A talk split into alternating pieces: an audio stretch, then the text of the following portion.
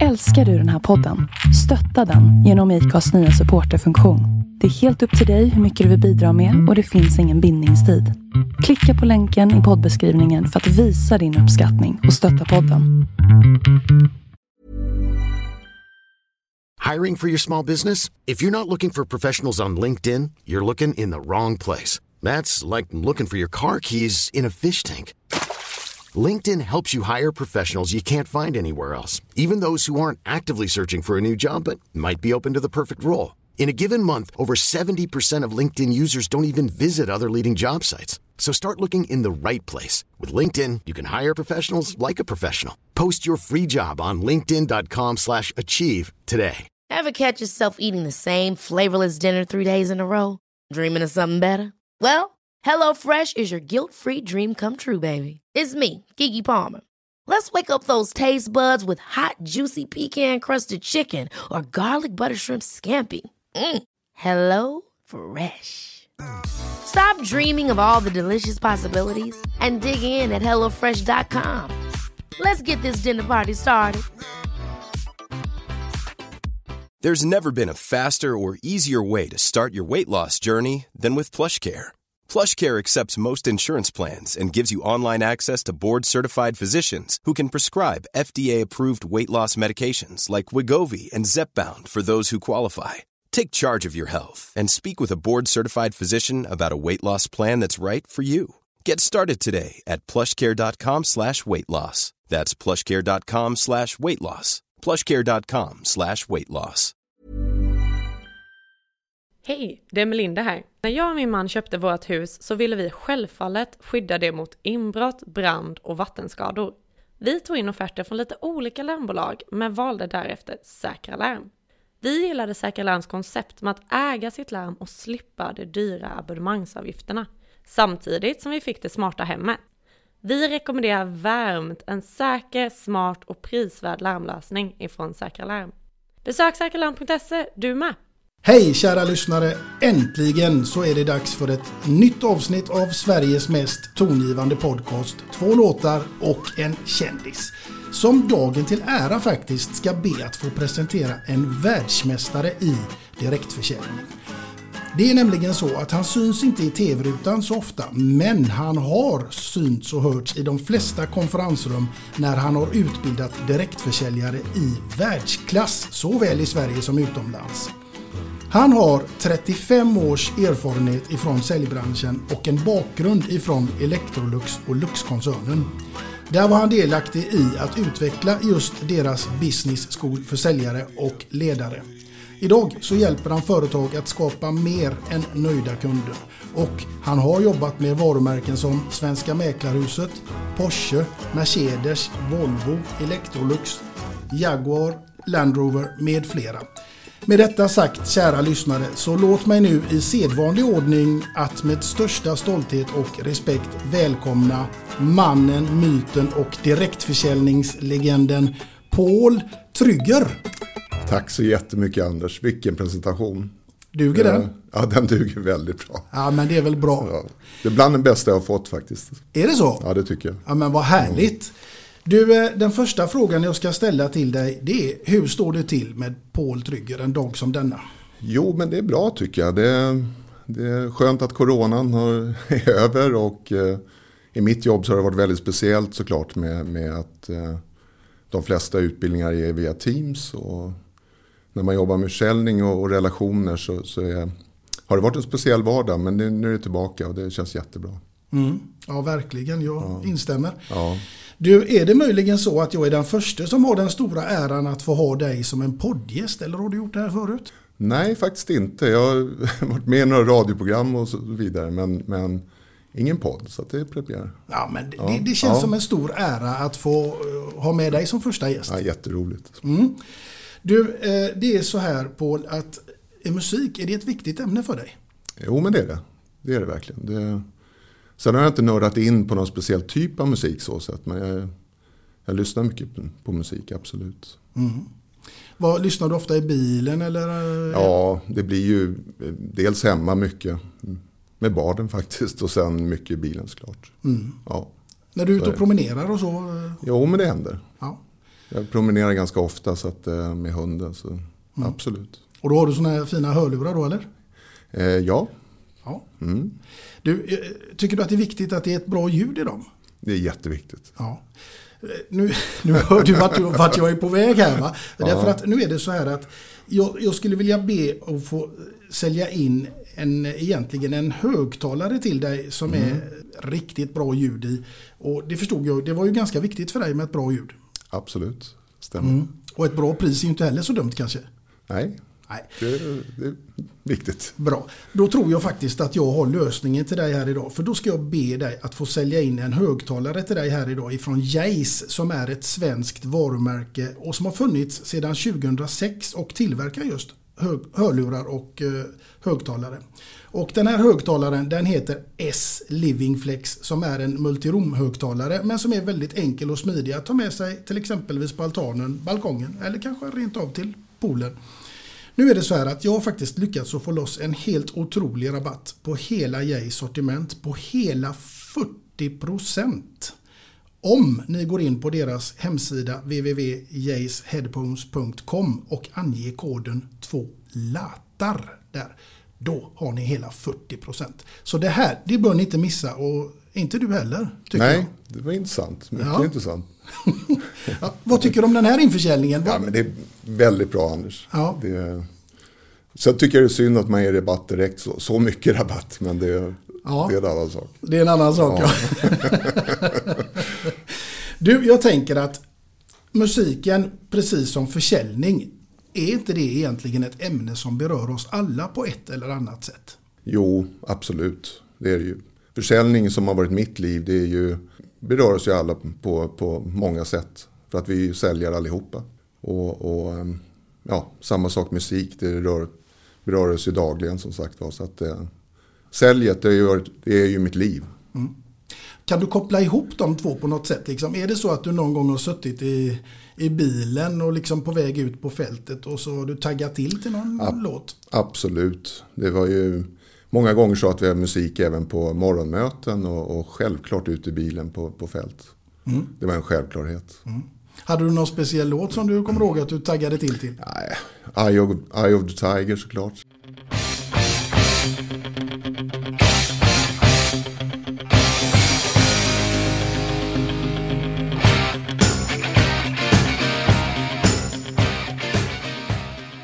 Klassiker. Klassiker. Ja.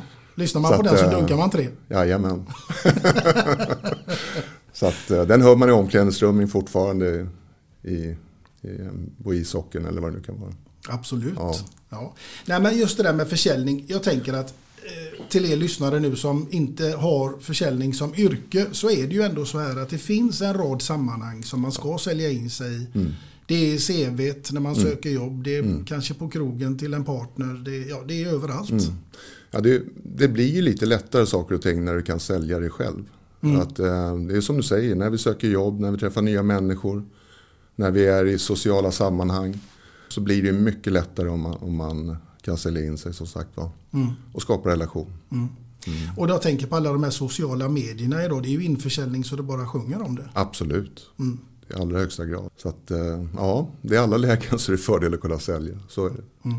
Vad ligger då grunden för att kunna göra en, en bra försäljning? Om vi nu ska väva in lite humor i det hela och så är man ute på, på krogen. Har, har man glädje av att kunna göra en grundläggande behovsanalys Eh, ja, alltså behovsanalys säger ju en del nu att, att det är ah, det är någonting som är gammalt. Men, men jag, jag tycker att när vi träffar en ny människa eller när vi träffar en gammal, gammal klasskamrat eller någon vi inte har träffat på många år så är vi, måste vi vara nyfikna. För att ehm, när vi är nyfikna så ställer vi frågor och vi ställer förhoppningsvis rätt frågor. Öppna frågor. Och, ehm, så att, att vara nyfiken det tycker jag är jätteviktigt. Oavsett om det är kundmötet eller om det är på, i sociala sammanhang. Och jag tror att när man möter en människa som mest pratar om sig själv och som berättar hur duktig man är och alltihopa så, så tröttnar man nog rätt snabbt på det. Mm, absolut. Att, eh, Och jag kan väl säga så här Paul att jag är ganska nyfiken, eh, inte minst här idag och i detta poddavsnitt. Så jag kommer att ställa frågor till dig och förhoppningsvis så är det rätt frågor också. ja, Eh, och den första frågan jag tänker ställa till dig nu när vi är här. Var det svårt för dig att välja ut två låtar tills idag? Ja, det var jättesvårt. Mm. Det var det. Vi har lyssnat på otroligt mycket olika typer av musik. Men jag tänkte på eh, mer från ja, skolgången och barndomen egentligen. Som, Det är det vi kommer att få höra Ja, sen framme. ja, ja. bra. Du, du är född den 22 oktober 1965 och uppväxt i Solna. jajamensan. Så jag bodde ganska nära Råsunda stadion. Då har det blivit då- en och annan AIK-match. Ja, faktiskt. Ja. Det är laget Det är i ditt hjärta. Ja, det är det. Det blev många matcher på söndagarna där, helt klart. Mm. Det är en speciell stämning. Mm, helt. Ja. Speciellt när Göteborg kommer upp. Ja, och när AIK kommer hit också. Ja, det är det. Ja. För nu ska vi säga att vi sitter faktiskt på Park Avenue Hotel här eh, i Göteborg. Ja. Och det, det, det, är, det är som att svära i kyrkan och säga att man hejar på AIK här nere. Ja, men det är väl ungefär detsamma om jag skulle komma till Stockholm och säga att man håller på Göteborg. Så kan det vara. Så kan det vara. du, eh, vad är ditt egentligen absolut första minne till musik som du kan härleda till ifrån tidig ålder? Mina föräldrar eh, var lite äldre när de fick mig. De var närmare 40 och eh, det de lyssnade på det var Glenn Miller och, och eh, Frank Sinatra. Mm. Det är absolut det första. Är det något Jag speciellt? har för mig att den heter In the Moon, Glenn Millers Ja, låt.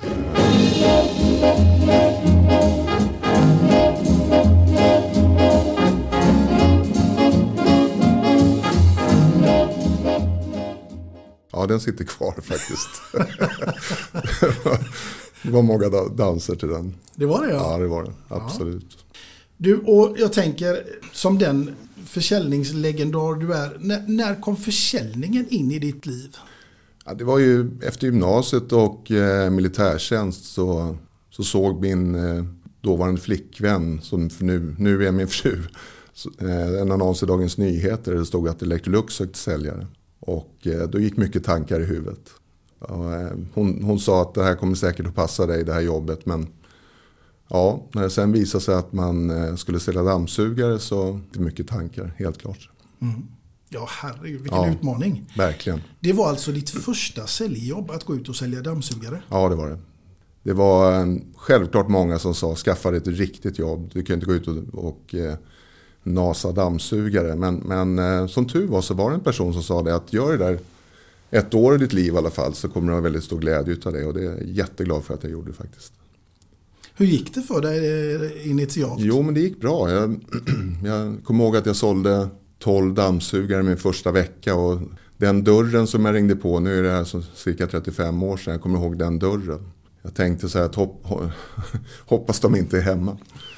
Så att det var, var, då var man riktigt rädd. Men, men av någon anledning så kom jag in och eh, den tredje demonstrationen sålde jag på. Det var en fredagkväll. Och sen en gammal försäljningschef kommer jag ihåg.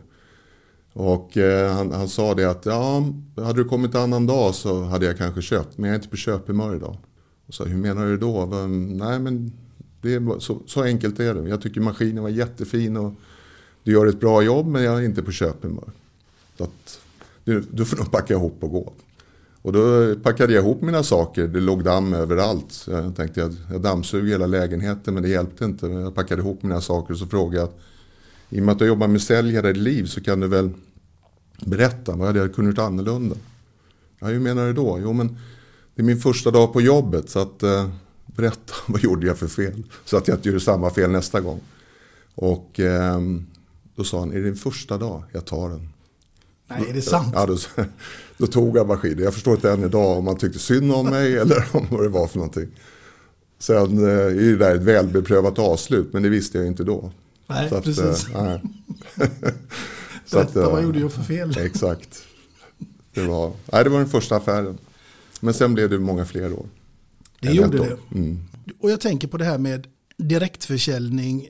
Det anses egentligen vara någonting eh, fult. Mm. Alltså, som sagt när jag började och det här var ju 87 då, då var det ju redan då väldigt mycket förutfattade meningar. Och det är klart att det fanns människor i, inom Lux och Electrolux som jobbade fel och jobbade oseriöst.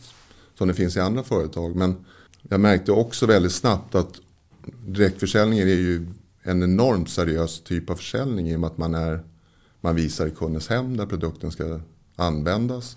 Det finns ångerveckor och så vidare. och Så vidare. Och, eh, så det är väl oavsett om det är ett larm eller dammsugare eller någonting så är det enormt seriöst att visa produkten där, kund, eller där produkten ska användas. Mm. Och, eh, och idag om man säger så så går det verkligen inte att jobba oseriöst. För det kommer ut på en sekund i alla sociala medier och, och allt möjligt. Så att, eh, men så var det redan då. att Det finns ingen som tjänar på det. Och direktförsäljning är, är ju väldigt seriöst på det sättet. Mm. Jag tänkte, direktförsäljning, är det någonting som är en nedåtgående trend eller tror du att det är tvärtom? Nej, det är tvärtom skulle jag vilja säga. Mm. Alltså den proaktiva försäljningen. Jag har ju jobbat som sagt mycket i bilbranschen och eh, bilföretagen behöver ju arbeta mer nu med uppsökande verksamhet än vad man har behövt tidigare. Och det är många andra som är så också. Så att, så att direktförsäljning eller uppsökande proaktiv försäljning det ökar. Mm. Helt klart. Det är inte så att man som bilhandlare längre kan sitta vid skrivbordet och hoppas på att en kund kommer in? Nej, det, det gör de också. För de har många lojala kunder och väldigt många återkommande kunder. Säljare som har jobbat rätt genom många år har ju väldigt många återkommande. Och det, det är ju en lön de får som sagt för att de har jobbat rätt i alla år. Men det är också så nu att man måste börja söka upp på konkurrensen. Det är en högre konkurrens och man måste vara mer aktiv för att få in kunderna i, i hallen. Så är det. Mm. Det är ju många människor som är rädda för att arbeta på en provisionsbaserad lön. Mm. Det är ju, eh, det finns det ju tyvärr företag som har jobbat oseriöst där också. Men seriösa företag som har en provisionsbaserad lön är ju, eh, jag tycker att det är väldigt viktigt. För att när man vet vilken insats som krävs för att tjäna pengar så, och man har en utbildning och dylikt. Så, så tycker jag att det är en förutsättning att en säljare har provision. Och, eh, men det är väldigt viktigt som sagt att man dels har utbildning och dels att man vet vad som krävs för att lyckas. Mm. För jag tänker att det är många idag som är, ja, jag ska inte säga att det är så, men jag uppfattar det som att många idag är ganska bekväma och vill ha liksom 40 000 eller 50 000 mm. i fast lön och mm. tjänstebil och hit och dit. Jo, precis. Och det, tyvärr är det lite så. Och eh, där har jag ju verkligen med mig att om man har de här direktförsäljningsegenskaperna att, att söka upp så, så, spelar det ingen roll. Vilken, om du kan sälja så spelar det ingen roll vilken produkt du har i handen. Eller vilket bolag du jobbar i. Du lyckas och du, och du tjänar pengar. Mm. Men jag tror att det är farligt. Eller det är farligt om man har en för stor trygghet. Att man får det här tillbakalutandes beteendet och, och ja, blir passiv helt enkelt. Mm, absolut.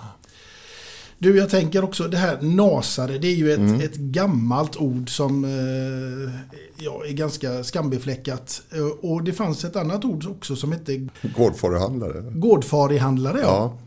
Och det var ju i Sverige kringresande försäljare. Och där läste jag någonstans att de mest kända det var knallarna ifrån Sjuhäradsbygden som gick runt i bygderna där för att sälja hemslöjd. Och detta skedde då alltså i mitten av 1800-talet. Och då fanns det mellan 5 och 7 tusen stycken alltså. Otroligt. Mm. Det var innan min tid så det visste jag faktiskt inte Det var lite före din tid. Ja, det var det. Ja. Men när började luxbranschen så att säga med den som du kommer ifrån? Egentligen så var det så att det var starten av Electrolux. 1912 så gick Axel Wennergren ut och sålde den första dammsugaren och den hette Lux 1. Och eh, den tror jag kostade 312 kronor 1912. Så det var mest i slott han gick, stora hus. Men eh, märkte då att eh, såklart var ju behovet väldigt stort av dammsugare. Och eh, gick ihop med ett annat företag som hette Elektromekaniska 1919 och då blev det Electrolux. Så starten av Electrolux är just den här Lux-dammsugaren faktiskt. Mm. Och den utbildningen som eh, alla Lux-säljare har fått genomgå, den har ju blivit smått legendarisk skulle jag vilja påstå. Mm, jo men det är riktigt. Det var ju därför jag började på Electrolux för att de hade den utbildningen och eh, sen har jag då på senare år, eller senare år på Electrolux var jag delaktig i att ta fram och utveckla den utbildningen. Mm. Men det är cirka 35-40 tusen som årligen går den runt om i världen så att den blev ju väldigt stor sen. Mm. Ja, det är en Ja. fantastisk utbildning kan jag Ja. säga som själv har gått den. Ja, det är kul. Ja. Jag hade ju den stora äran att få uppleva finalen av min sån utbildning i Stockholm tillsammans med just dig. Mm. Det, det är ju just det, den här finalen, examen, det är ju en speciell känsla när man tar den för att det är ju eh, en väldigt stor prestation. Så att det är en stor stolthet i, i den dagen. Klart. Verkligen. Mm. Och här vill jag också starkt poängtera att jag får säga att jag har haft glädje av den här utbildningen långt utanför eh, mitt yrke. Inte minst i det vi sitter och gör här och nu. Alltså Mm. att man spelar in podcast och de här gästerna man har haft. Mm. Och, Nej, det förstår jag. ja, Det är någonting som du har nytta av hela livet. Så är det Ja, bara. men så är det ju. Ja, eh, även faktiskt i sin roll som förälder. ja. Intressant. Ja, det var ju liksom när man började köra alternativmetoden. Mm, du tänkte det? Ja, just det. ja, jag har ju fem barn själv så att jag, jag har varit med lite och med, med uppfostran av barn. Och eh, det är ju så att ett barn gillar ju inte när vi föräldrar bestämmer och säger att gå och borsta tänderna eller ta på dig pyjamasen eller nu får du läsa läxan och dylikt. Då är det bättre att de får ett par alternativ så att de själv får välja vad de vill göra först. Och då, då är det i alla fall lättare. Jag säger inte att det alltid går, men det, det är mycket lättare. För barn, är- barn är bestämda. Ja, nej, men man har glädje av den här Ja. utbildningen och den ska man inte skoja bort faktiskt. Därför att, precis som du sa tidigare här, att man har liksom glädje av den hela livet och eh, Mm. när man har gjort, eh, varit direktförsäljare kanske i, i några år så har man ju faktiskt ganska lätt att gå vidare sen i, inom försäljning. Absolut. För det, det är just det här att eh, när man ringer på en dörr, om det nu är en dörr en, en, eller om det är ett företag som man aldrig har träffat tidigare så är det ju en stor konst att efter en timme göra affär eller kanske en, efter en och en halv timme. En kund som man aldrig har träffat tidigare, inget förbokat besök. Det är ju hela säljprocessen som eh, från första kontakten till avslutat order som det ska fungera om man säger så. Mm, absolut. Och det är det som man kan översätta till precis allting faktiskt. Mm, ja, verkligen. Det kallas ju för den så kallade DABA-tekniken. Mm. Ska vi se om jag, kan, om, ska vi se om jag kan den här nu. eh, Ja. Kan det hända att jag åker på... Nej, det, jag ska lösa den tror jag. Bokstaven D står alltså för definiera kundens behov. Stämmer. A står för att du ska få ett accept på kundens behov. Mm. B ska stå för att du bevisar att du har lösningen på kundens behov. Stämmer. Och det sista A det är att du ska få ett accept på din bevisade lösning för kunden. Exakt. Det är strålande. Det sitter i ryggmärgen. Anders. Det sitter i ryggmärgen. Ja, ja. Det är riktigt. Och det är, jag brukar säga att eh, det är svart bälte i sälj. Mm. Och det heter ju på ol- olika saker i olika företag. Men principen är densamma. DABA-tekniken tog väl för mig kanske ett halvår att förstå vad det egentligen var för någonting. Och eh, man kan utveckla den hela tiden. Men, men eh, det är ju den här tratten att man inte genar. Utan att man är noggrann hela vägen från början till slut. Och eh, alla bolag har en form av säljprocess. Och det vet man när man jobbar med försäljning att det går inte att gena utan man måste vara noggrann med den här processen och ta det steg för steg. Och idag om vi kommer tillbaka då till det här att definiera kundens behov, behovsanalys så är ju det, det är A och O skulle jag vilja säga. Jag är, jag är lite nördig på behovsanalys men det är, det är mitt liv. Ja. Att, eh, är man inte noggrann där då tror jag det är svårt. För många säger till mig "Mm, jag har, jag har lite problem med avslut och sådär. Men problemen ligger oftast väldigt mycket tidigare i processen. Idag, dagen till ära, så är det så att vi har en kille som ville ställa en fråga till dig. Ja, Så att jag tänkte att vi skulle ta och köra den här nu. Hejsan, Magnus Olsson här. Jobbar som säljare. Tänkte fråga dig, vilka tre egenskaper ser du som man behöver ha för att bli en bra säljare? Hej Magnus, bra fråga eh, som du ställer här. Det är ju hantverket sälj kan man ju prata hur mycket som helst om. Om man sätter upp, jag brukar arbeta mycket med det i egenskaper för att lyckas och det kan man eh, sätta upp flera blädderblock skulle jag vilja säga. Men eh, till att börja med så ehm, står högt upp på listan, det är målmedvetenhet. Och ehm, för säljare som inte har mål blir eh, ja, man får ett utfall men man får inga resultat. Och självklart då för att nå de här målen så är det väldigt mycket envishet och kontroll på, på läget. Och det märker jag också faktiskt att det brister lite när jag pratar med säljare att man inte har kontroll på sina nyckeltal. För att när vi sätter upp mål och sen har vi kontroll på vad är det som krävs för att komma dit så blir man mycket lugnare. Det, det upplever jag. Och för sälj det, det är mycket matematik. Det, man borde veta hur många kundkontakter jag behöver ta, hur många visningar jag behöver göra och så vidare. Beroende på vilken bransch man jobbar i för att komma till avslut. Eh, så mål och kontroll på läget. Och sen skulle jag säga envisheten naturligtvis. Och eh, det som måste också vara med på den här listan det är relationsskapare. För att eh, jag tycker idag, även idag 2022 så tror jag att det är ännu viktigare det här med relation. Att bibehålla också relation med kunder. Att eh, inte bara eh, ta in en order och sen släppa. Utan att bibehålla relation över tid. Och eh, det här med relation det kan vi ju prata jättemycket om såklart. Det är ju olika män, typ, människotyper vi träffar. Och, och det är ju det är en, kanske den största utmaningen med, med säljjobbet. Att, att vara en, på en väldigt kort tid och skapa den här relationen. Det tar 1,8 sekunder för en kund att döma oss. Så det går jättefort. Mm. Och eh, faran är om vi säljare dömer en kund på 1,8 sekunder.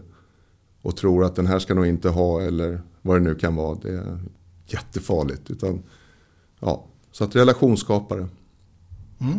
Nu, var det, nu var det fler än tre saker. Men eh, ja, som en liten extra grej eh, Magnus så, så när vi pratar om det här vad som krävs för att lyckas och, och med målmedvetenhet och alltihopa så kommer jag tänka på en person som jag anställde, eller som jag inte anställde rättare sagt. Som heter Timo. Och eh, han eh, sa jag nej till. För jag tänkte att nej, jag har säljare så att det räcker på kontoret. Och jag ska väl och säga han var ung och tänkte att ah, jag är tveksam på att han kommer att lyckas med det här. Men eh, efter sjunde gången, han gav sig ju inte utan han eh, ringde och ringde och ringde. Och efter sjunde samtalet så sa jag okej, okay, du får börja. Men faktum var att eh, första månaden så gjorde Timo 125 demonstrationer tror jag. Och det är väldigt många på en månad. Och sålde inte speciellt mycket. Eh, en månad två, likadant. Lika många demonstrationer, inget jätteresultat. Månad tre däremot så blev det över 50 dammsugare på en månad. Lika många demonstrationer. Och ehm, jag ska vara ärlig och säga att jag är väldigt förvånad. Men han var så hård i huvudet. Han sa att jag ska bara lyckas med det här. Det finns ingenting annat. Och då satte han upp ett mål med tanke på det här med mål. Att eh, Han sa till mig, jag ska sälja 100 dammsugare på en månad. Och då tänkte jag igen, okej, okay, det är ungefär 20 personer som har gjort det på 100 år.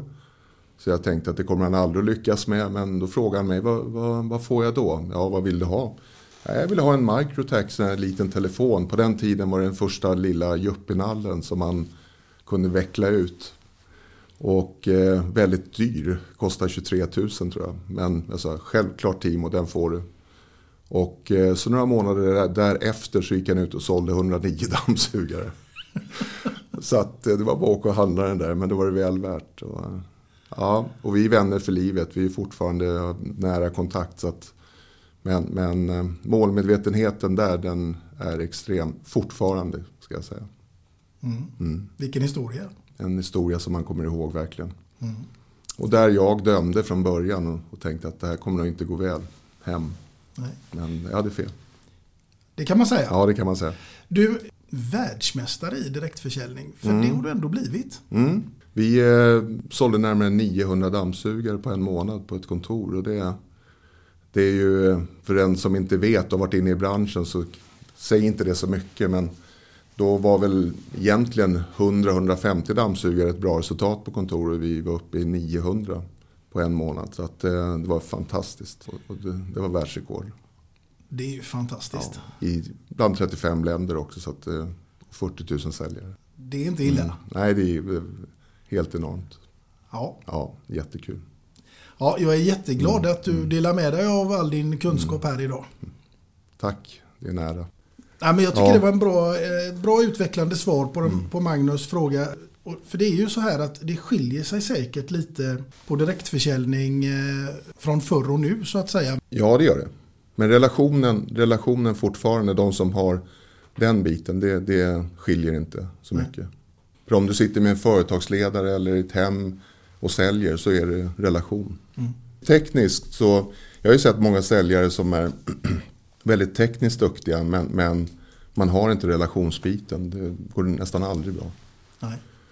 Jag kommer jag kommer ihåg att jag utbildade en säljare på Electrolux och det är också många år sedan. Men jag kommer ihåg honom så väl för att han, han hade en förmåga att glömma allt jag sa. Och eh, han sa det att nu ska jag visa det här munstycket som vi visar för alla husdjur i området. Men vänta nu, husdjur, vad menar du med det? Men, men, hyresgäster menar jag. Så att, han var helt hopplös. Jag tänkte hur ska det här nu gå? Och så när han gick ut och sålde han briljant. För alla älskade honom. Och produkten den fick komma sen. Det kunde han lära sig mer och mer. Men han hade relationen från dag ett. Och det, nu var han extrem åt andra. Jag säger inte att det är oviktigt med produkt, men relation är nummer ett. Helt. Ja, så Ja. är det faktiskt. Ja. Vad är det egentligen ditt absolut roligaste och bästa minne från din långa karriär? Det var en svår fråga. Om jag skulle kunna lösa det för dig? Nej. Ja, den var svår. Ja, det bästa minnet, det, det som kommer upp direkt, det var när vi samlades cirka 800 personer i Havanna. På 100-årsjubileum i Electrolux. Då, ehm, eller Lux, förlåt. Då, ehm, och träffa ledare och säljare, de bästa. Från eh, i stort sett 40 olika länder runt om i världen. På en sån här konferens. Det, ehm, ja, det, var, det var min största ögonblick faktiskt. Mm. Ja, det kan jag tänka Ja, mig. För det är ju verkligen elit rakt igenom. Mm. Jag kommer ihåg vi åkte med eh, cirka 10 personer från Sverige. Men som sagt det var 800 totalt från hela världen. Så att, eh, och de ab- absolut bästa då från varje land. Eh, Ja, det är ju magiskt. ja, det var magiskt. Absolut. Så många vinnarskallar på ett och samma ställe. Exakt. Och sen Havanna som, som plats. Mm. Det var också fantastiskt att se. Det måste jag säga. Då måste jag ju fråga dig, tycker du att det är viktigt med tävlingar och så i ämnet försäljning? Absolut. Det är, um, nå, nå, ett ord som är väldigt viktigt är säljkultur. Och ehm, det är många bolag som inte tänker på vad, vad, vad har vi för säljkultur hos oss. Och säljkultur innebär väldigt, väldigt mycket. Att man ska uppmärksamma och, och, och sådana här saker. Men tävlingar är en del av säljkulturen. För att när man, man måste ju kunna fira framsteg och det behöver inte vara en resa till Havanna såklart. Utan det kan vara en, ja, en enkel tävling men att man uppmärksammar det är jätteviktigt. Bra resultat helt enkelt. Hur skapar man en bra säljkultur på ett företag tycker du? Ja, säljkultur är ju det att man eh, inte bara tar fram nummer ett utan att man förs- försöker ta fram det bästa utav alla och att man eh, igen då visar uppskattning och ser folk. För att eh, det här med att ge beröm och ge, visa uppskattning och det, det är faktiskt väldigt viktigt för alla. Men i säljvärlden så är det enormt viktigt. Och igen att inte bara nummer ett går fram utan det är olika prestationer som man lyfter fram. Och eh, mm, att se. Verkligen. Du, vi ska ta oss tillbaka till ämnet musik här, för det är ju faktiskt det som podden till stor del handlar om också. Så jag måste ju fråga dig Paul, är du musikalisk? Eh, nej, det skulle jag inte vilja säga. Det skulle Nej. jag faktiskt inte eh, påstå. Jag gillar att dansa och sådär, men det är ju... jag ska inte vilja säga att jag spelar några instrument och, och så, nej. Min, min mamma försökte på eh, med blockflöjt där, men jag tyckte ishockey var intressantare. Ja, det är ju blev den- förståeligt. ja, Ja, men du, du gillar att dansa sa du. ja, jo, men det, det händer. Det händer. Ja, det gör det. Ja, då, då ska du få en, en passande fråga till, eh, till just det ämnet. Därför att nu är det så här Paul, att du är i final i Let's Dance. Okej, Tror det eller ej, men så är det. Ja. Och nu undrar jag givetvis med, vem hade du dansat och till vilken låt hade detta scenario fått utspela sig till? Oj. Ja, då ska jag naturligtvis inte säga min fru antar jag, utan det är Madonna tror jag. Ja, Ja, jag tror det. Det hade varit intressant. Ja, verkligen. Hon kan ju dansa. Ja, uppenbarligen. Och vilken låt? Kanske La Isla Bonita eller någonting sånt där. Trevligt.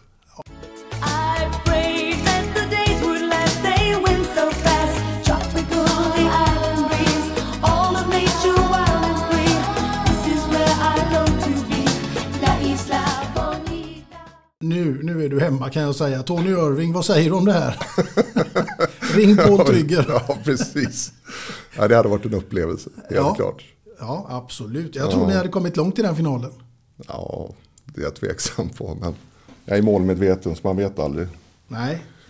Du, vi ska ta oss ifrån det när du säger målmedveten. För då undrar jag givetvis så här. Du går hemma och städar. Tror det eller ej så är det. Du går hemma och dammsuger. Mm, det gillar jag också. Nu är radion på hemma hos dig. Och helt plötsligt så dyker det upp en låt på radion som du bara känner att nej, inte en chans. Det här åker rätt av eller byta kanal. Vilken typ av låt skulle det kunna vara? Oh. Ja, men det är nog inte hårdrock då, tror jag. Hårdrock? Ja, Då åker det av liksom. Nej, det är det. Ja. Ja, jag tycker det. Jag har svårt med det. Du, eh, vi ska fortsätta här i eh, musikens tecken därför att nu är det så här att jag undrar följande. Om du fick vara en musikartist för en dag, vem skulle du då vilja vara? Mm. Det är en intressant fråga. Det är kanske David Bowie faktiskt. Ja, det är en står- riktig kung. Stor respekt. Vilken platta tycker du är bäst med David Bowie då? Oh. Nej, han har sjukt många bra låtar. Jag tyckte det var lite speciellt sen på, på sista tiden att de tog fram lite konstigt material. Men det, det är min smak. Mm, Jag tycker alla hans gamla låtar är bra. Du, eh, vi ska ta, gå vidare här i nu vad du tycker är bra. För nu är det så fruktansvärt intressant att vi har kommit till dagens första låtval. Och gissa om jag är nyfiken på att få veta vilken låt du har valt. Och självklart också varför. Det är ju eh, det är faktiskt Bob Marley och det är lite otippat. Det är ju, eh, jag lyssnar inte så mycket på honom nu men det var på den tiden som man eh, ja, gick i skolan och så spelade man ishockey och faktiskt den första plattan. Bob Marley and the Wailers. Och eh, Could You Be Loved är ju den låten då som fastnade. Faktiskt. Då tycker jag vi tar och kör den här nu.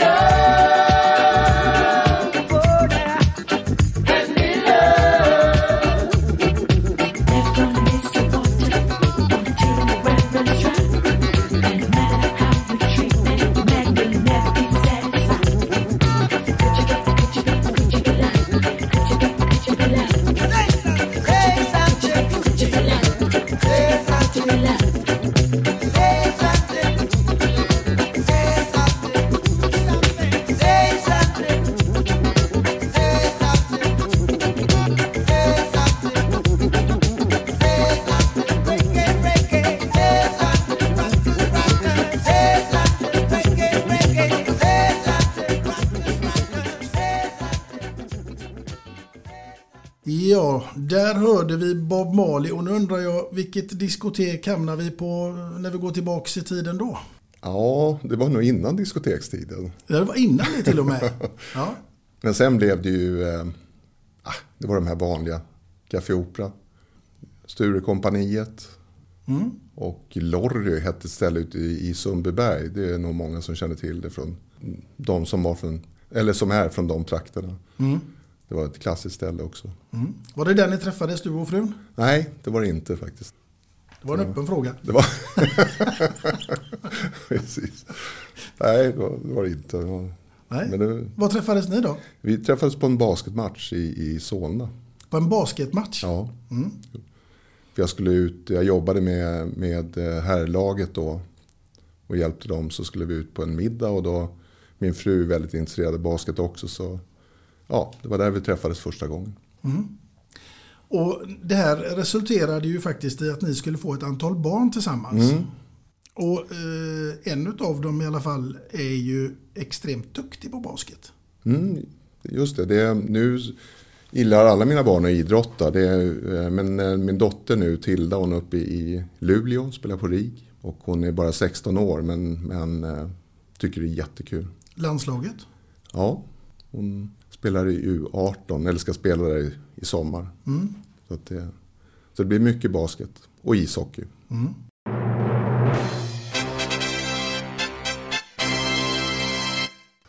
Och där hörde vi den klassiska signalen för fem snabba. Vet du vad det innebär Paul Trygger? Eh, jag tror det. Ja. Jag tror det. Sen vet jag inte vilka frågor som ställs. Nej. Men Är det du- blir är du- spännande. Ja, är Ja. du redo då? Jag är redo. Ja. Vara bäst bland de sämsta eller sämst bland de bästa? Sämst eh, bland de bästa. Att göra rätt saker eller att göra saker rätt? Att göra rätt saker. Sälja damunderkläder eller sexleksaker på dörren i en månad? Då tar jag damunderkläder. Damunderkläder. Ja. En veckas dammsugförsäljning på fält med Bert Karlsson eller Per Holknekt. Eh, Då tar jag nog hållknäckt faktiskt. Levergryta eller surströmming på tallriken i en vecka framöver. Levergryta. Snabba svar. Ja, men det, var en, det var en som var svår tycker jag. Vilken var det då? Ja, det var damunderkläderna där. Men de Ja. andra tycker jag var rätt så lätta. De andra var rätt så lätta. Hiring for your small business? If you're not looking for professionals on LinkedIn, you're looking in the wrong place. That's like looking for your car keys in a fish tank. LinkedIn helps you hire professionals you can't find anywhere else, even those who aren't actively searching for a new job but might be open to the perfect role. In a given month, over 70% of LinkedIn users don't even visit other leading job sites. So start looking in the right place. With LinkedIn, you can hire professionals like a professional. Post your free job on linkedin.com slash achieve today. Ever catch yourself eating the same flavorless dinner three days in a row? Dreaming of something better? Well, HelloFresh is your guilt-free dream come true, baby. It's me, Kiki Palmer. Let's wake up those taste buds with hot, juicy pecan-crusted chicken or garlic butter shrimp scampi. Mm. Hello Fresh.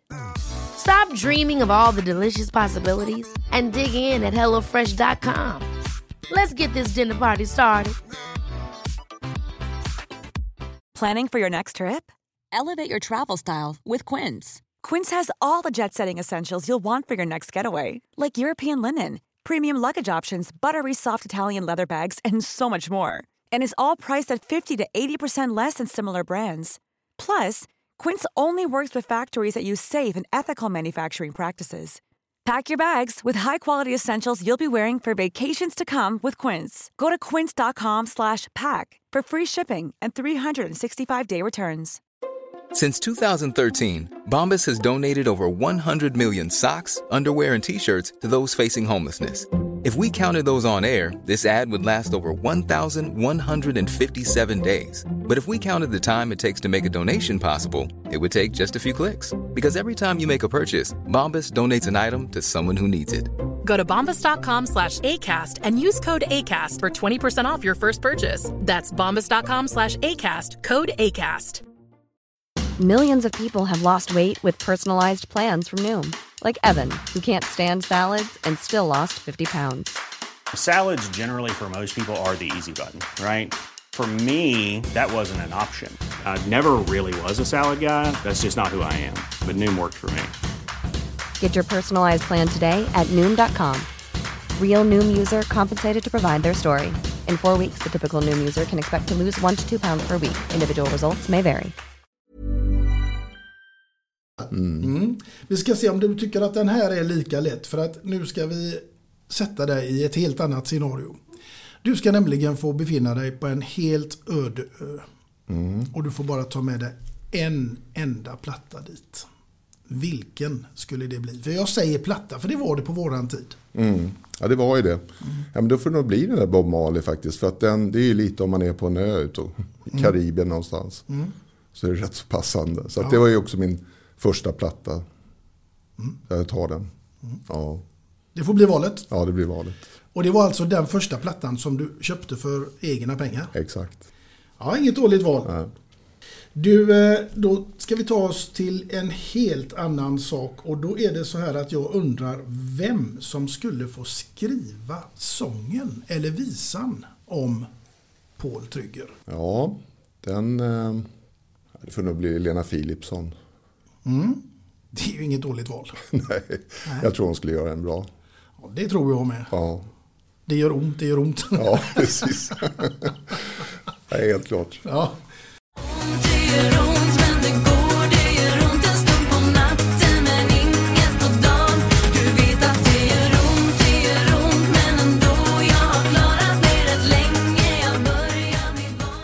Hon är duktig. Ja, verkligen. Ja. Nu ska vi se. Nu har vi kommit till någonting, förstår du, som du inte är beredd på. Och Jaha. som är väldigt, väldigt, eller kan bli väldigt roligt skulle jag vilja påstå. Mm. Vi får se hur det här slutar. Därför att du känner säkert till de sju dvärgarna Japp, och deras karaktärer. just det. Din uppgift blir nu att genom åren plocka ut sju stycken säljare som passar in under respektive karaktär. Och, och då undrar jag givetvis vilken av alla säljare du har haft genom åren skulle få representera Kloker? Kloker, ja det är nog Patrik Cornelius faktiskt. Vet du vem det är? Nej. Nej. Han driver en restaurang i, eh, i Stockholm som heter Vasahov. Och han kom in och såg väldigt klok ut efter en lång utbildning. Runda glasögon. Men skulle sälja dammsugare på, på dörr i ett år för att lära sig sälj. Och eh, otroligt klok människa. Men eh, han krigade sig igenom och gjorde det jättebra och driver den här restaurangen väldigt framgångsrikt idag. Kul. Han har varit rektor också för den delen. Så att, eh, det skulle jag vilja säga kloke. Ja, verkligen. Vi tar oss från Kloker till någonting helt annat och då blir det Toker. Toker, ja det har funnits många. Det Jag tror dig.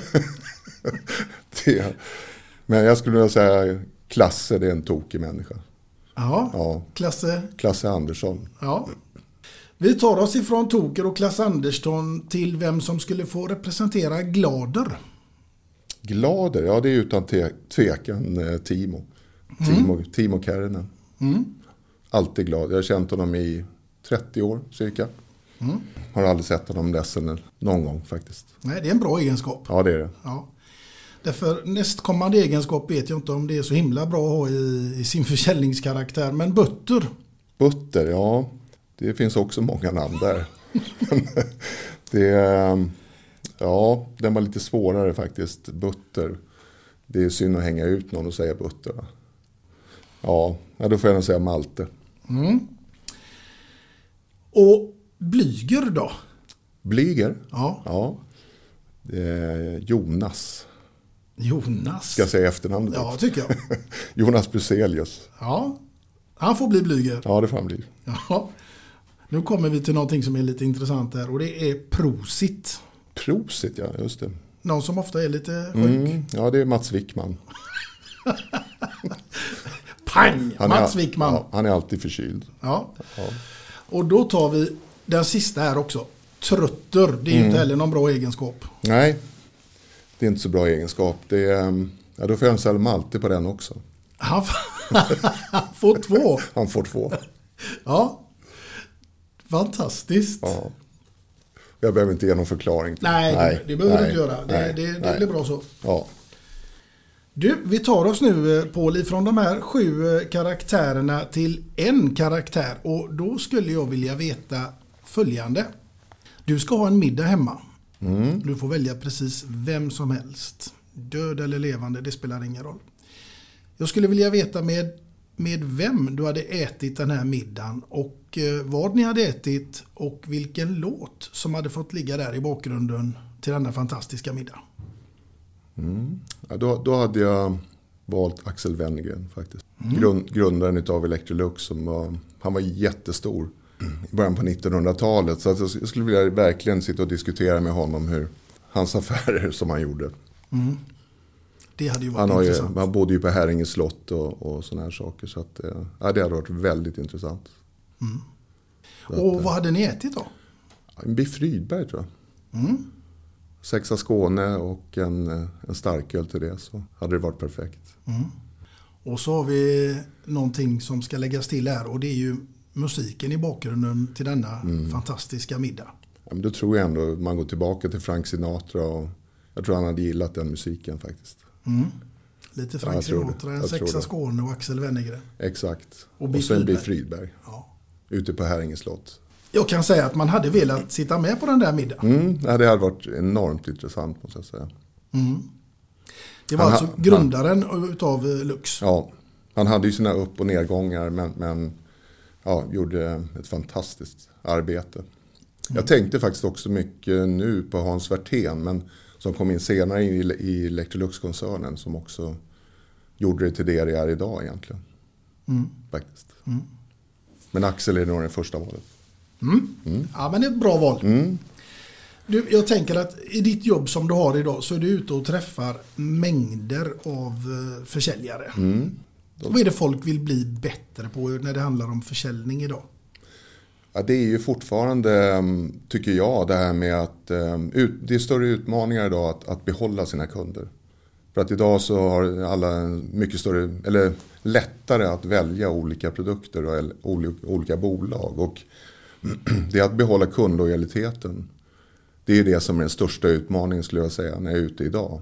För att eh, det, det, det räcker ju inte att man har nöjda kunder. Utan för en nöjd kund kan vara otrogen, byta företag eller köpa en annan produkt dagen efter. Det, de är bara nöjda så att säga.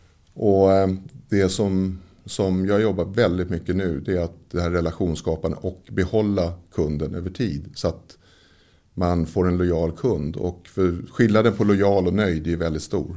De flesta har en, en frisör som, är, som de är lojal till. Eller en tandläkare eller en restaurang. Eller, eh, och, och det är väldigt skönt att ha den här kontakten. Min mäklare till exempel. Min fastighetsmäklare. Min bilsäljare. Och som kund så är det ju väldigt bekvämt. Eller min hantverkare. Som, som man kan återkomma till när man vill ha hjälp. Och så behöver man inte berätta om allting. Och, och, och, så det, det är bra både för säljaren och för köparen. Mm. Den här kundlojaliteten. Så det, det är det som är en, en stor utmaning idag faktiskt. Mm. Och det är många företag som brottas med det kan jag tänka mig. Oh ja, för att eh, risken är när man har, har gjort en affär att man går vidare och så är det en ny affär. Så är det en ny affär. Man glömmer den här kundrelationen över tid. Och eh, det är, det är därför en, en lojal kund betalar faktiskt lite mer än de nöjda kunderna också. Mm. Och, och som sagt, eh, är du en duktig mäklare, en duktig bilsäljare så får du mer betalt utav de kunderna än de andra kunderna. Mm. Och, um, så det tycker jag är en stor eh, utmaning och det är som jag jobbar jättemycket med idag. Det är ett samtal som jag kallar för I love you calls som är ovärderligt. Att ringa upp kunder en tid efter man har gjort en affär. Det kan vara ett halvår, det kan vara ett år. Och bara fråga hur läget är och hur, hur fungerar allting. Och, och, eh, kunderna är inte vana att få sådana samtal idag. Utan de, affären görs och sen så går man vidare. Mm. De här affärerna, eller förlåt, samtalen gör ju att man, man skapar ambassadörskap och kunder som pratar om dig och, eller företaget och så. Så att det, ja, det, det gillar jag skarpt faktiskt. Det ligger en stor vinst i det. Oh ja. Att man överraskar kunderna och kommer tillbaka. Inte bara som sagt när det ska göras affär utan man överraskar. Mm. Också att göra det där lilla extra. Exakt. Mm. Exakt. Då brukar man oftast få det där lilla extra också. Så är det. Mm. Och det gäller ju allting vi gör i kundmötet, i, i telefonsamtalet eller, eller vad det nu är. Att det där lilla extra. Det, Det är helt Ja, sant. Det jätteviktigt. är jätteviktigt. Ja. Jo, men på tal om det här att du har utbildat många säljare så är det faktiskt så här att vi har fått en hälsning till dig också, dagen till ära. Okej. Hejsan Paul Trygger. Det var Mattias Johansson här. Eh, skulle vilja skicka med en hälsning till dig och tacka dig för allt som du har hjälpt mig med genom åren. Tack för att du finns och tack för att du är en del av oss på Säkra. Tack. Ja. Oj, tack Mattias, helt fantastiskt. Du är, du är ju en av de eh, toppsäljarna som jag har fått äran att jobba med genom alla år. Du är väl eh, topp fem skulle jag vilja säga. Och det är tusentals säljare. Så att eh, du är mm, en fantastisk person och otroligt duktig säljare. Så att eh, tack för de fina orden. Ja, jag instämmer eh, både med Mattias och Paul. Eftersom jag känner er båda så är det här fantastiskt roligt att höra. Och jag tycker också att det är fantastiskt att vi har ett sånt här poddavsnitt eh, den här dagen eh, till ära. För att försäljning som sagt var, det är ett ämne som är ständigt aktuellt. Vare sig vi befinner oss på 1800-talet eller idag 2022. Ja, det är ett hantverk, så är det. Och eh, att lära sig sälj på en vecka eller två eller tre, det går inte. Jag, jag tror att det är misstag som många gör när man börjar i ett säljyrke. Att man tror att man ska komma in och lära sig det här på, på några veckor. Men det, det tar lite längre tid.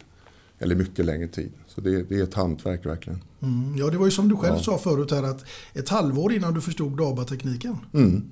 Absolut. Mm. Och den är ju också någonting som man ständigt kan utveckla. Absolut. Det utvecklar man ju fortfarande. Mm. Ja, det är en eh, fantastisk... Ja, eh, ja. Ja, men det här med verktygen eh, som man har i, som försäljare. Det är ju otroligt eh, viktigt att man håller dem uppdaterade. Mm. Och eh, det är ju, eh, om man säger idrott som så, min familj håller på med mycket som sagt var så är det ju, eh, man, om man spelar ishockey eller basket eller fotboll på hög nivå så, så tränar man ju väldigt mycket. Man tränar dagligen i stort sett. Man kanske har en vilodag i veckan och så är det match på helgerna. Och det, är, det är verkligen någonting som jag frågar mycket när jag är ute i olika företag nu. Att hur ofta tränar ni sälj? Och ehm, då, ehm, ja, men en del säger jag tränar varje dag. Hur menar du då? Ja, men jag tränar ju mot mina kunder. Och det tycker jag att det, det är farligt för att träna mot kunder det får vi inte göra. Utan, eh, när vi har våra kundmöten så är det i skarpt läge, det är match. Och, eh, men eh, när vi tränar, det gör vi när vi sitter tillsammans eh, i olika former. Det behöver inte vara att vi kör något eh, rollspel och, och tränar på det sättet. Utan vi måste prata om, okej vad de vanligaste invändningarna är nu. Vilka avslut använder vi? Hur, hur, eh, vad är viktigt i behovsanalysen nu? Och så vidare. Det finns ju massor med ämnen som vi måste träna. Och, och de säljare som tränar mycket, de, de lyckas ju. Så enkelt är det. Mm. Men att bara gå till match varje dag och, och, och aldrig träna, den är farlig faktiskt. Mm. Där är någonting som jag är med mig från Lux-tiden. Där tränar vi varje dag. Mellan 9 och 10 så var det morgonmöte. Och i varje morgonmöte så hade vi träning. Det var så. Absolut. Och, och det, nu vet jag att i alla branscher så kan man inte träna varje dag. Men jag tror att man kan lägga, i de flesta företag så kan man lägga undan i alla fall 30 minuter eller kanske en timme på en månad för att träna. Mm. Absolut. För det, där ser ju vi att de, de säljkontor och de företag som gör det här kontinuerligt blir skickligare såklart. Mm. För att det sitter ju oftast väldigt många års erfarenhet i ett företag. Och eh, eh, det måste man hjälpas åt och, och dela med sig av faktiskt. Ja, det finns ju mängder av olika verktyg. eh, Mm. Hertigen av Wellington. Mm, absolut. Eh, Hertigen av Wellington är ju ett väldigt erkänt avslut. Det är ju, han var väldigt klok Hertigen av Wellington. När han, stod i, han skulle ta ett beslut om att skaffa någonting så satte han upp fördelar och eventuella nackdelar med det här. Och, ehm, och det, är, det är faktiskt smart att göra det. Och när, när man är osäker så sätter man ju upp då fördelar och eventuella nackdelar. Och när man gör det med en kund så, så hjälper man ju kunden att komma ihåg det vi har sagt. Och eh, så hjälper vi kunden också att påminna om och det här måste du tänka på och det här är bra för dig. Och alla unika säljfördelar. Och, ehm, och, eh, och vi börjar ju med plus. Och när man sen går över till minus så är det väldigt svårt att komma på någonting faktiskt. Det, hjärnan har svårt att ställa om sig från att tänka plus till att ställa, tänka minus. så att eh, den, den eh, ja, det är ett erkänt avslut, helt klart. Jag kommer att tänka på en helt annan sak som också påverkar faktiskt det här med försäljning och det är ett språk som är tyst men det används ändå. Det är Mm. kroppsspråket. Mm. Det är intressant. Mm. Det, det är ju 70 procent av, ungefär av, av vår kommunikation är kroppsspråket. Jag har ju en schäferhund hemma och där är ju allting kroppsspråk. Han ser på mig om jag är arg, om jag är glad och ledsen och så vidare. Mm. Så hundar är ju extrema på det här men, men även människor är, de läser av oss. Mm. Så att orden det är väl ungefär 10% av, av allting. Ja, vårt sätt att kommunicera. Men kroppsspråket är jätteviktigt. Jag brukar, jag brukar jämföra med en pilot på en flygplats. Har du sett en pilot någon gång vrålspringa till sitt flygplan med, med, och se stressad ut och inte hitta till flygplanet? Eh, Nej. Jag skulle förmodligen inte flyga med den människan. Utan, det sitter många flygrädda människor och tittar. Ja, är de lugna? Hur, hur jobbar de i kabinen? Hur trygga är de? Och det är samma sak när vi är i, säljsituationen. Är vi trygga? Är vi lugna? Har vi ett öppet kroppsspråk och, och ett glatt kroppsspråk så, så smittar det av sig till våra kunder. Det är en spegel. Mm. Ja, då ska man Så- inte komma med skjortan på trekvart och grönt i Nej, håret. helst inte. Oförberett. Ja. Ja. Nej, men det, det är naturligtvis Ja. eh, jätteviktigt. Jätteviktigt. Och det är ju många gånger man själv har kommit in till kund och så har kunden suttit liksom med armarna i, Mm. i kors liksom. Mm. För de tänker att nej, här är det stängt va? Oh ja. Och det är också så när man jobbar med direktförsäljning, då är armarna i kors. När man kommer hem till kunder. Det är, det är naturligt. Oj, släpper jag in den här personen så kommer det förmodligen bli dyrt och jag kan bli lurad. Och det är det ena med det andra. Man har ett antal förutfattade meningar som gör att jag ska inte prata med den här personen. Så det är ju första utmaningen. Att som säljare få ner den där garden och få bort det här armarna i kors. Och, eh, så det är där vi måste börja. Och, ehm, och, nej, jätteviktigt för de flesta kunder har armarna i kors i början. Mm. Oavsett. Ja, det ska vi inte ha nu när vi går Nej. vidare. Då, då sitter vi med öppna armar därför att eh, nu ska jag faktiskt fråga dig. Vilken låt skulle kunna få dig att bli känslosam? Mm. Ja, då, och det här låter ju konstigt igen nu men då är det nog faktiskt eh, den låten som AIK spelar när de stegar ut på planen faktiskt. Mm. Och eh, det är just för att man gick med, med farsan och tittade på de här AIK-matcherna. Så att det är egentligen en glädjefylld stund men det, är- ja, jag får tårar i ögonen i stort sett varje gång som jag, som jag hör den. Så det, det är det första jag tänker på. Det var något Så som att, eh, du och farsan hade gemensamt? Exakt, liksom. Ja. exakt. Så Ja, att, men det kan eh, jag förstå. Ja.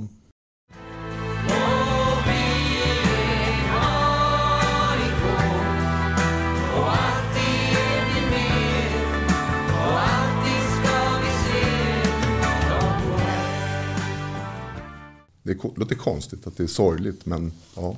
Nej, men jag är med dig. Eh, Jag hade inte så med farsan kanske, men eh, farfar faktiskt. Ja, absolut. okej, ja. En intressant fråga som jag skulle vilja ställa till dig.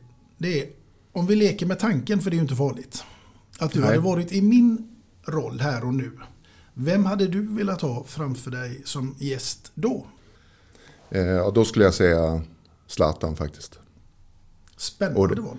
Ja, det är ju eh, nej, vilken resa han har gjort. Och nu när Milan går och vinner igen, det, det var inte många som trodde det.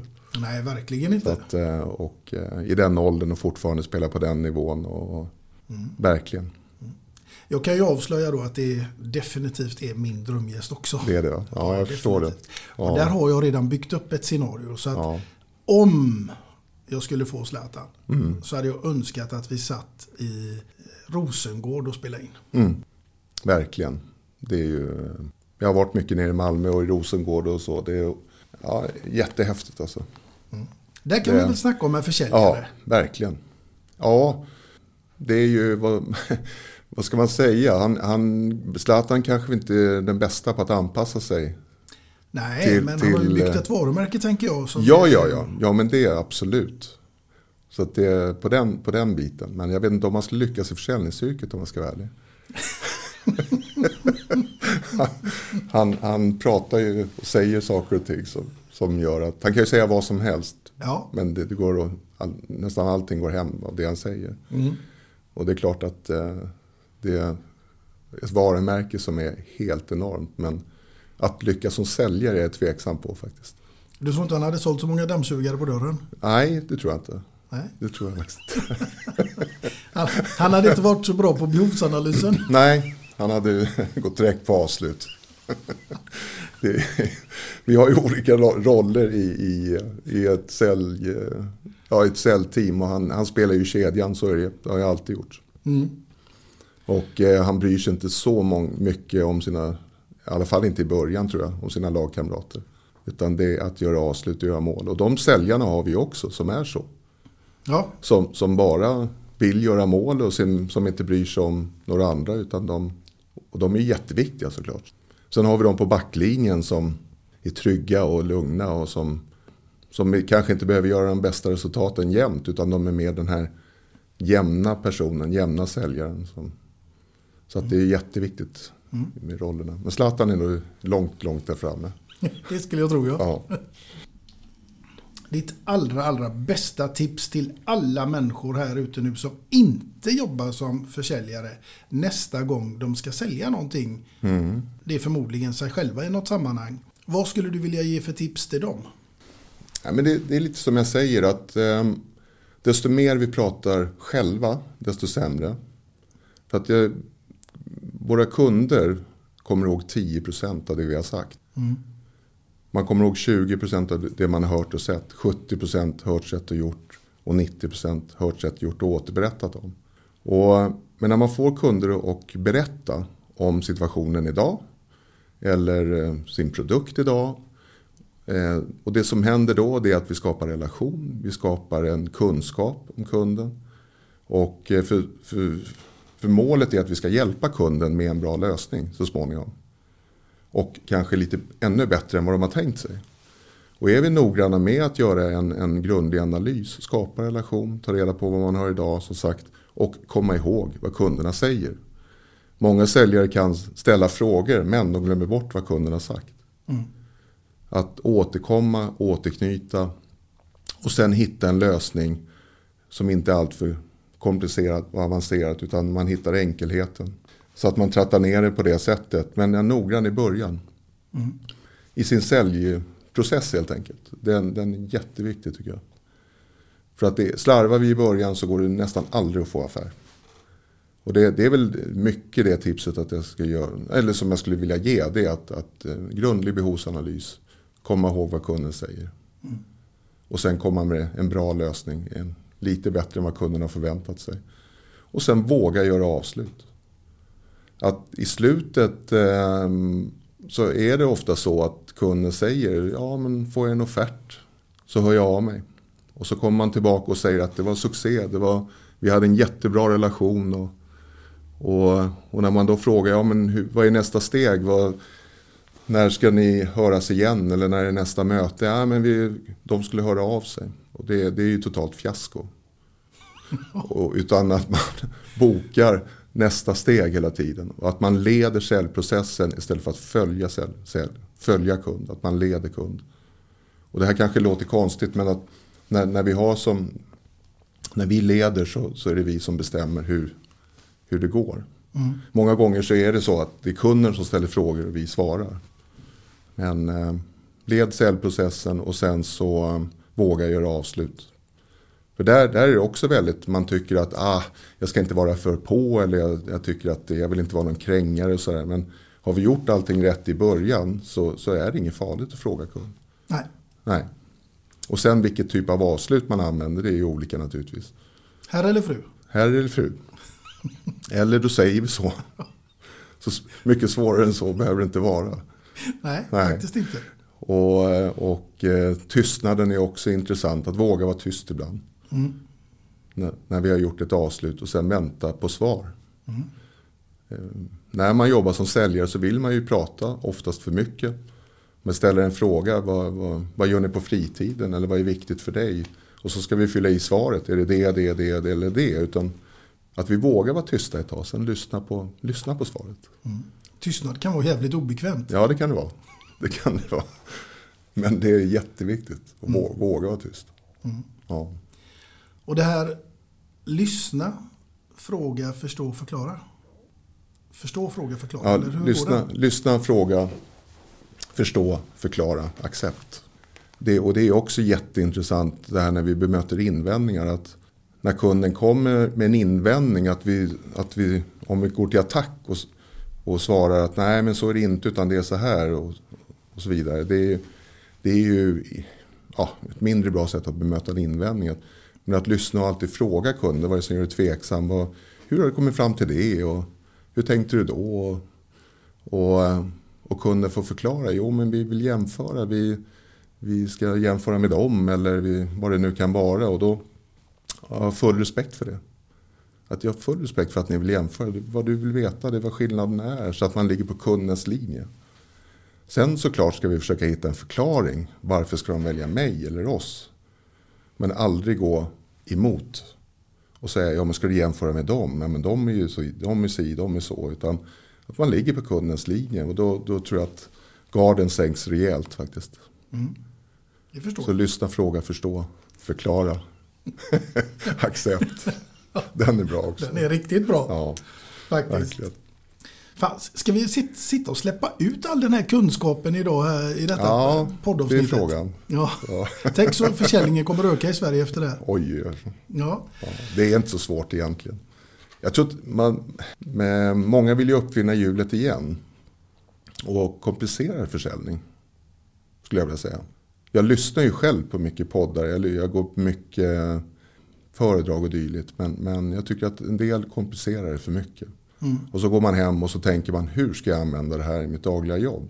Ehm, Jätteviktigt att skaffa sig verktyg som jag kan använda direkt dagen efter i mitt dagliga jobb. Och för gör man det svårt så det tror jag är farligt. Absolut, Nej, men jag Mm. håller med dig där. Det, det, man har jobbat med det här nu i, i några år. Och Mm. Just att man eh, håller sig uppdaterad och inte bara spelar matcher utan att man faktiskt eh, tränar. Exakt. Hittar nya sätt att formulera frågor på och Mm. så vidare. Det tror jag är jätteviktigt. Jätteviktigt. Mm. Och som sagt återigen träning. Att, eh, att man tänker på det. Dela med sig av kollegor och, och sätta av tid för träning. Mm. Annars så blir det inte av. Nej. Nej. Och du, när vi kommer in på det här med träning och så, så tänker jag att nu ska jag faktiskt eh, få dig att tänka till lite grann på om du har tränat fram ditt andra låtval eller hur ser det ut där? För nu är jag extremt nyfiken på vad är det du har hittat på nu och inte minst varför? Då, då måste jag ta Springsteen fakt- faktiskt. För att han lyssnar jag också mycket på tidigt. Och där, där tänker jag faktiskt på I'm on fire. Jag lyssnar ibland på den fortfarande. Jag tycker det är en skön låt. Mm. Så att, eh, och det, det är från den tiden man gick i plugget och, och spelade ishockey. Och Springsteen överlag såklart. Då. Men, Då, då har du sett honom live antar jag? ja, det har jag gjort. Två gånger tror jag är. mm. Tre kanske. Och låten var alltså? I'm on fire.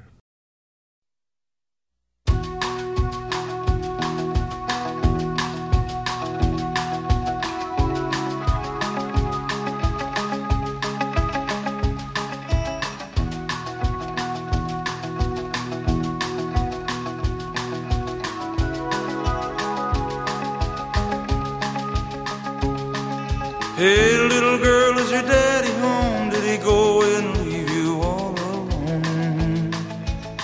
I got a bad desire. Oh, I'm on fire. Tell me now, baby, is he good to you? And can he do to you the things that I do? Oh, no. I can take you high.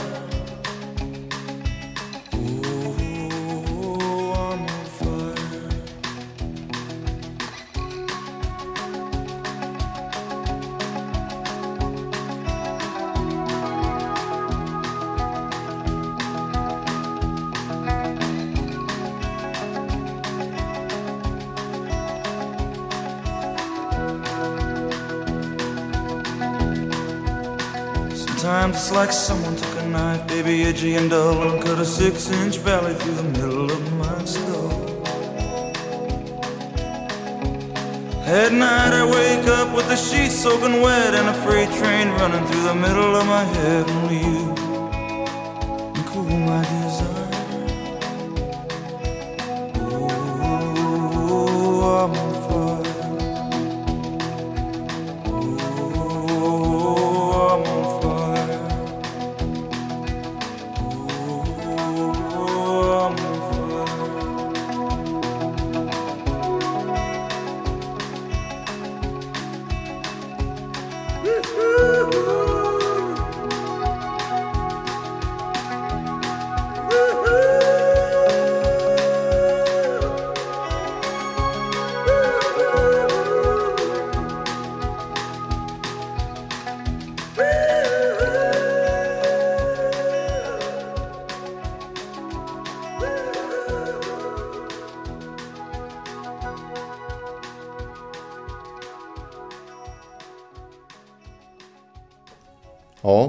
Hör ju själv. Det är ju, eh, nu är vi på gång. Ja, nu, eh, det är, ja, många minnen som dyker upp i mitt huvud också. Ja, det Ja. förstår jag. Jag Ja. var faktiskt själv på Ullevi 1985 när han var där, Bruce Springsteen. En Ja. helt magisk eh, konsert. Ja. Jag har bara sett honom i Stockholm, men det, Mm. Ullevi är ju en annan stämning. En helt annan stämning. Helt klart. Mm. Nästa gång han kommer hit så, eh, så får jag ta med dig till eh, Bruce Springsteen Ja, här på bra. Ullevi. Det låter bra. Ett riktigt bra låtval. Tack. Du, eh, nu tänker jag faktiskt att jag skulle vilja fråga dig någonting som inte har med försäljning att göra, men däremot med livet. Mm. Och då blir frågan, vad innebär ordet livskvalitet för Paul Trygger? Ja, livskvalitet, det, är, det låter kanske konstigt också, men det är dels när jag får sitta och titta på, på mina barn när de idrottar. Fantastiskt, det är bästa avkopplingen som, som finns. Och sen så eh, tycker jag faktiskt när vi är uppe i fjällen, eh, sitter på en fjälltopp, förhoppningsvis är hela familjen där. Och eh, man får ta en skotertur och man får göra en bivack och grilla lite. Kanske ta fram en liten jäger, jag vet inte.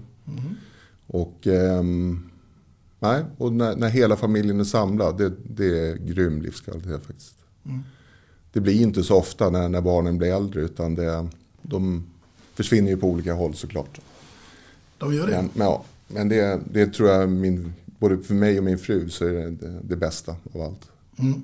Det är klart att pengar är viktigt men, och, och friskhet såklart. Men jag, jag, jag är inte den typen som går och oroar mig så mycket. Utan ehm, jag, det i mitt jobb så, så eh, det ingår i utbildningen liksom att försöka vara optimist istället för pessimist. Jag hörde på en podd faktiskt där, jag vet, där de sa att optimisten lever sju år längre än pessimisten. Och det ska tydligen vara forskat på det här och det är rätt så intressant. För pessimism det, det föder eh, dåliga ämnen i kroppen. Så att, eh, jag ska inte gå in djupare i det här ämnet. Men det fastnade väldigt mycket hos mig att eh, nu behöver det inte vara halleluja. Men att op- optimisten, det tänker jag väldigt mycket på. att det, Man har ett roligare liv. Pra, pratar jag jättemycket med mina barn om faktiskt. Och inte bara vara ett optimist utan hur man ska ja, uppföra sig mot andra och sådana saker. Men jag tycker ju ehm, det är roligare att vara på rätt sida. Där, vi svenskar är ju tyvärr oftast på fel sida. Man säger, alla säger att jag, jag är jättepositiv och jag är optimist och så. Men det är mycket lättare tyvärr att vara på den, på den andra sidan. Och ha ursäkter och, och kanske skylla på någon annan. Och, och eh, det är väldigt lätt att hamna där tyvärr. Men ja, det är någonting som jag jobbar skarpt med. Att försöka vara på den högra, eller högra, på den rätt sida. Mm. Det tycker jag är jätteintressant. Ja, nu sa du någonting som jag tycker också är jätteintressant och det är ju Mm. det här med undanflykter och ursäkter. Mm. Har du Precis. hört mycket om det inom försäljningsbranschen? Ja, jag har nog hört alla 4 000 som finns. Och jag har säkert använt många själv. Jag har nog sagt till min fru några gånger att eh, jag har inte tid. Eller jag har inte hunnit. Och i verkligheten så är det en ursäkt för att jag inte hade lust. Och det här med tiden till exempel. Det när man jobbar som säljare så skyller man väldigt ofta på tid. Att jag har inte tid eller jag hann inte. Eller, och verkligheten var att jag struntade i det. Och, och ja, alla ursäkter, det hinner vi inte prata om idag. Men det är väldigt lätt att använda ursäkter för att eh, skydda sig själv helt enkelt. Mm.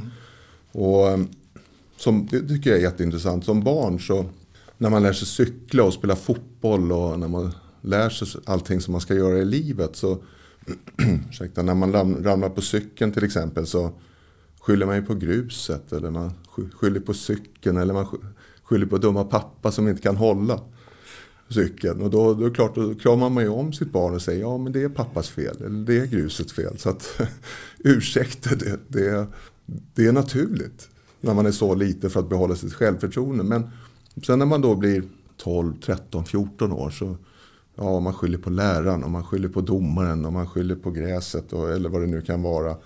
Och det, det är det där faktiskt som jag pratar med mina barn om mycket. Att, att ta sitt eget ansvar. Och inte skylla på allt och andra hela tiden. Utan nu ska man inte vara för hård mot sig själv. Men ändå att det är viktigt att man tar sitt eget ansvar. Och som säljare så finns det ju enormt mycket saker att skylla på. Det är tiden, det är kunderna, det är distriktet, det är... Ja, jag kan Mm. sitta och räkna upp hur mycket som helst. Men, men eh, vi, vi ser det att en säljare som inte använder de här ursäkterna utan Mattias exempelvis som pratade här tidigare. Han är en person som är enormt stark i huvudet som går ut fast det regnar eller att det är snöstorm eller vad det nu är för distrikt. Han gör sitt jobb och sen går han hem. Och så. att, eh, ja, ursäkter det, det är farligt. Ja, det tar Det oss det. inte framåt. Nej, det gör det inte. Men vi ska Det- ta oss framåt. Ja, Och eh, då är det så här att jag tänker fråga dig hur dina morgonrutiner ser ut. Ja, det, jag är ju ganska, eller jag är väldigt noggrann med, med eh, att det funkar på morgonen. Att det, ehm, exempelvis som i morse när jag skulle åka till Göteborg klockan 04.50 står klockan på ringning. Men då hänger jag fram mina kläder och, och det låter det här tråkigt men jag vet exakt vad jag ska ha på mig. Jag har fixat skorna, jag tar, packar väskan och, och vet exakt vad jag ska göra på morgonen. Så jag vet på minuten hur lång tid saker och ting tar. Men normalt sett när jag inte ska resa iväg så är det också alltså, så att eh, man tar en kaffe, man har en frukost. Men jag planerar väldigt sådär. När jag somnar så vet jag hur morgonen ser ut. Så är det. Så är det. Ja, så är det. Mm. det om det inte är lördag eller söndag så man kan. Man kan dra har- sig. Exakt, Mm. de har inga stora rutiner. Men det jag fiskar lite grann efter Ja. det här det är om kaffet är en viktig del eh, för dig i morgonrutinen. Ja, den är viktig. Mm. Den, den måste finnas där, helt klart. Ska det vara en stor eller en liten kopp? Ja, en stor kopp. Mm. Ja. Och då förstår jag att du tycker det är viktigt att det är gott att kunna hålla i den här muggen på ett bra sätt. Det är jätteviktigt. Ja. Den, eh, den ska finnas där varje dag, den stora koppen. Den ska finnas ja, där varje dag. Ja. Du, jag säger inte att det är så. Men om det är så att jag skulle kunna förgylla din morgonrutin vad det gäller dina kafferutiner. Hur skulle Mm. du se på det? Det skulle jag se väldigt positivt på. Så bra! Ja. Därför att då är det nämligen så här att jag tänker be att få bidra med någonting till din kaffestund på morgonen. Med en kaffemugg i form av två låtar och en kändis. Och självklart så har du likt alla andra gäster fått ditt namn ingraverat. Så den ska jag be att få räcka över till dig här nu. Som ett fint och kärt minne ifrån denna fantastiskt trevliga poddstund. Tack så jättemycket Anders, det kommer jag dricka ur varje dag den här. Helt Härligt. Ja. Du, det har varit en fantastiskt eh, stor ära att få ha med dig Paul Trygger i denna podden och jag är helt övertygad om att det finns många lyssnare som har lärt sig någonting nytt där ute idag. Hoppas det, det var en jättestor ära att få komma hit också. Jag är väldigt tacksam för det. Tack så jättemycket. Tack själv och eh, till er lyssnare så säger jag ju självklart att det kommer en ny gäst och vem det är, det återstår ännu att se. Men tills dess så får ni ha det så gott där ute allihopa. Hej då! Hej då.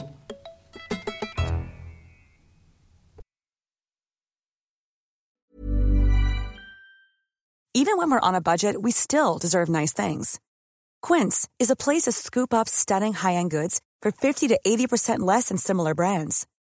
They have buttery soft cashmere sweaters starting at $50, luxurious Italian leather bags, and so much more. Plus, Quince only works with factories that use safe, ethical, and responsible manufacturing. Get the high-end goods you'll love without the high price tag with Quince. Go to quince.com slash style for free shipping and 365-day returns. Ever catch yourself eating the same flavorless dinner three days in a row? Dreaming of something better? Well, HelloFresh is your guilt-free dream come true, baby. It's me, Kiki Palmer. Let's wake up those taste buds with hot, juicy pecan-crusted chicken or garlic butter shrimp scampi. Mm. Hello Fresh. Stop dreaming of all the delicious possibilities and dig in at HelloFresh.com. Let's get this dinner party started. Even when we're on a budget, we still deserve nice things. Quince is a place to scoop up stunning high-end goods for 50 to 80% less than similar brands. They have buttery soft cashmere sweaters starting at $50, luxurious Italian leather bags, and so much more. Plus, Quince only works with factories that use safe, ethical, and responsible manufacturing. Get the high-end goods you'll love without the high price tag with Quince. Go to quince.com slash style for free shipping and 365-day returns.